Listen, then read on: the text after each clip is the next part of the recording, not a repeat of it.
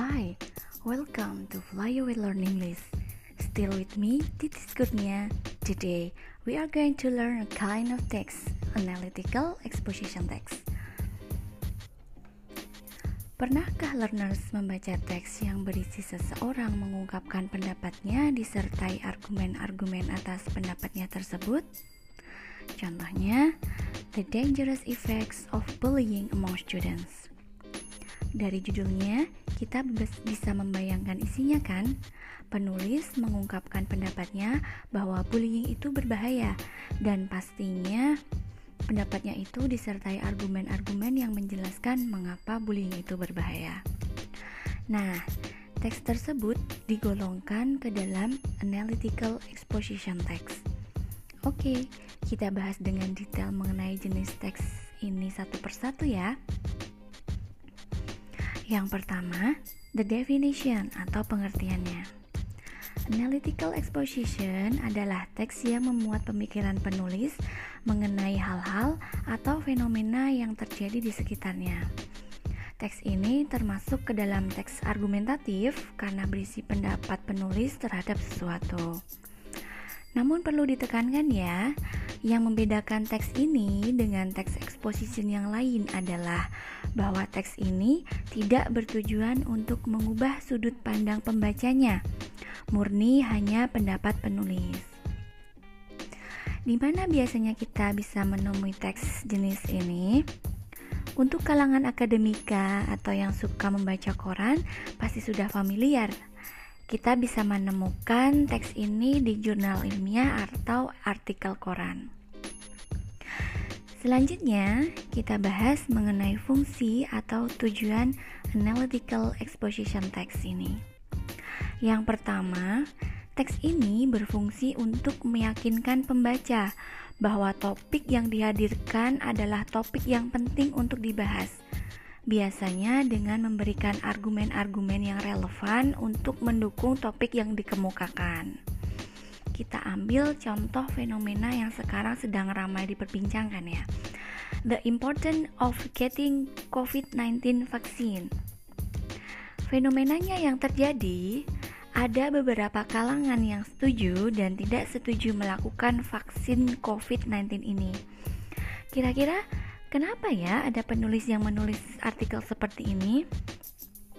Ya karena penulis perlu menyampaikan pendapat dan alasan-alasannya mengenai pentingnya vaksin COVID-19 di masa sekarang ini. Nah, yang kedua, teks ini juga berfungsi untuk membuat pembaca sadar akan isu yang diangkat penulis. Kadang ada isu atau masalah yang tidak terlalu banyak dibahas di media Mungkin karena tidak terlalu menarik atau tabu. Padahal isu-isu itu cukup penting diperhatikan dalam konteks tertentu. Contohnya, the importance of earlier sexual education.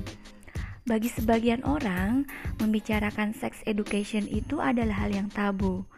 Namun sebenarnya bahasan ini cukup penting loh Itulah sebabnya penulis mengemukakan pendapatnya mengenai sex education ini agar pembaca peduli dengan isu yang diangkatnya tersebut.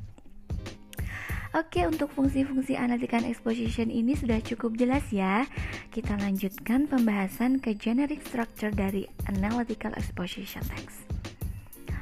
Meskipun isi dari teks adalah pemikiran dan argumen penulis sendiri, dalam menulis teks ini tetap mengikuti kaidah penulisan berdasar struktur penulisannya. Nah, berikut ini adalah generic structure-nya. Yang pertama, tesis.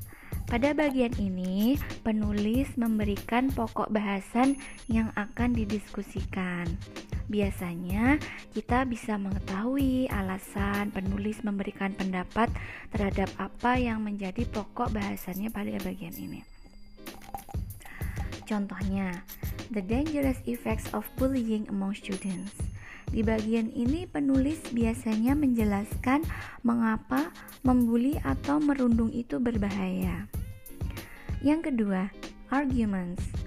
Bagian ini berisi pendapat-pendapat yang mendukung ide pokok. Semakin banyak argumen yang dikemukakan, semakin menarik isi teks ini.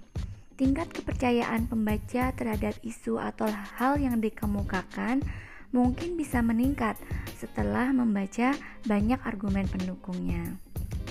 Contohnya, kita ambil dari topik yang tadi ya, uh, the dangerous effect of bullying among students. Nah, argumen yang e, mendukung topik tadi misalnya berakibat buruk pada kejiwaan, mengganggu konsentrasi, motivasi belajar menurun atau bahkan bisa mengganggu kesehatan fisik.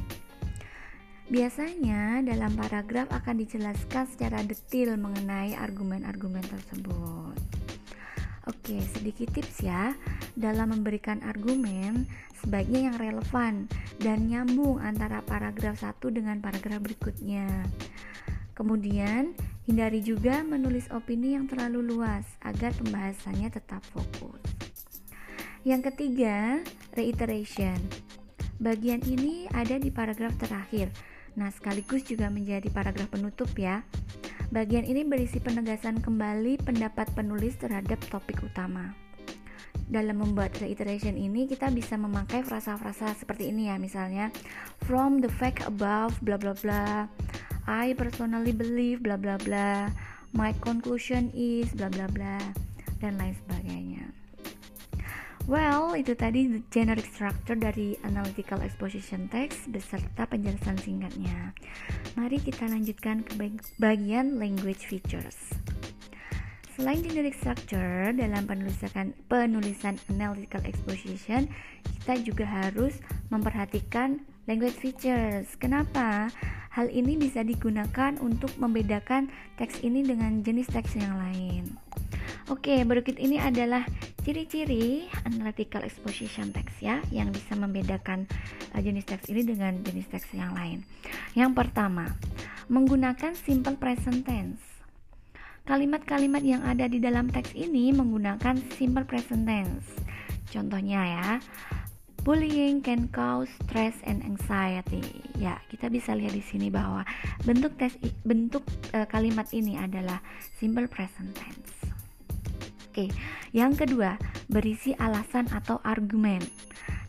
Nah, sudah kita jelaskan ya, sudah kita uh, katakan berulang kali bahwa teks ini berisi argumen-argumen yang diperkuat dengan alasan dari penulisnya.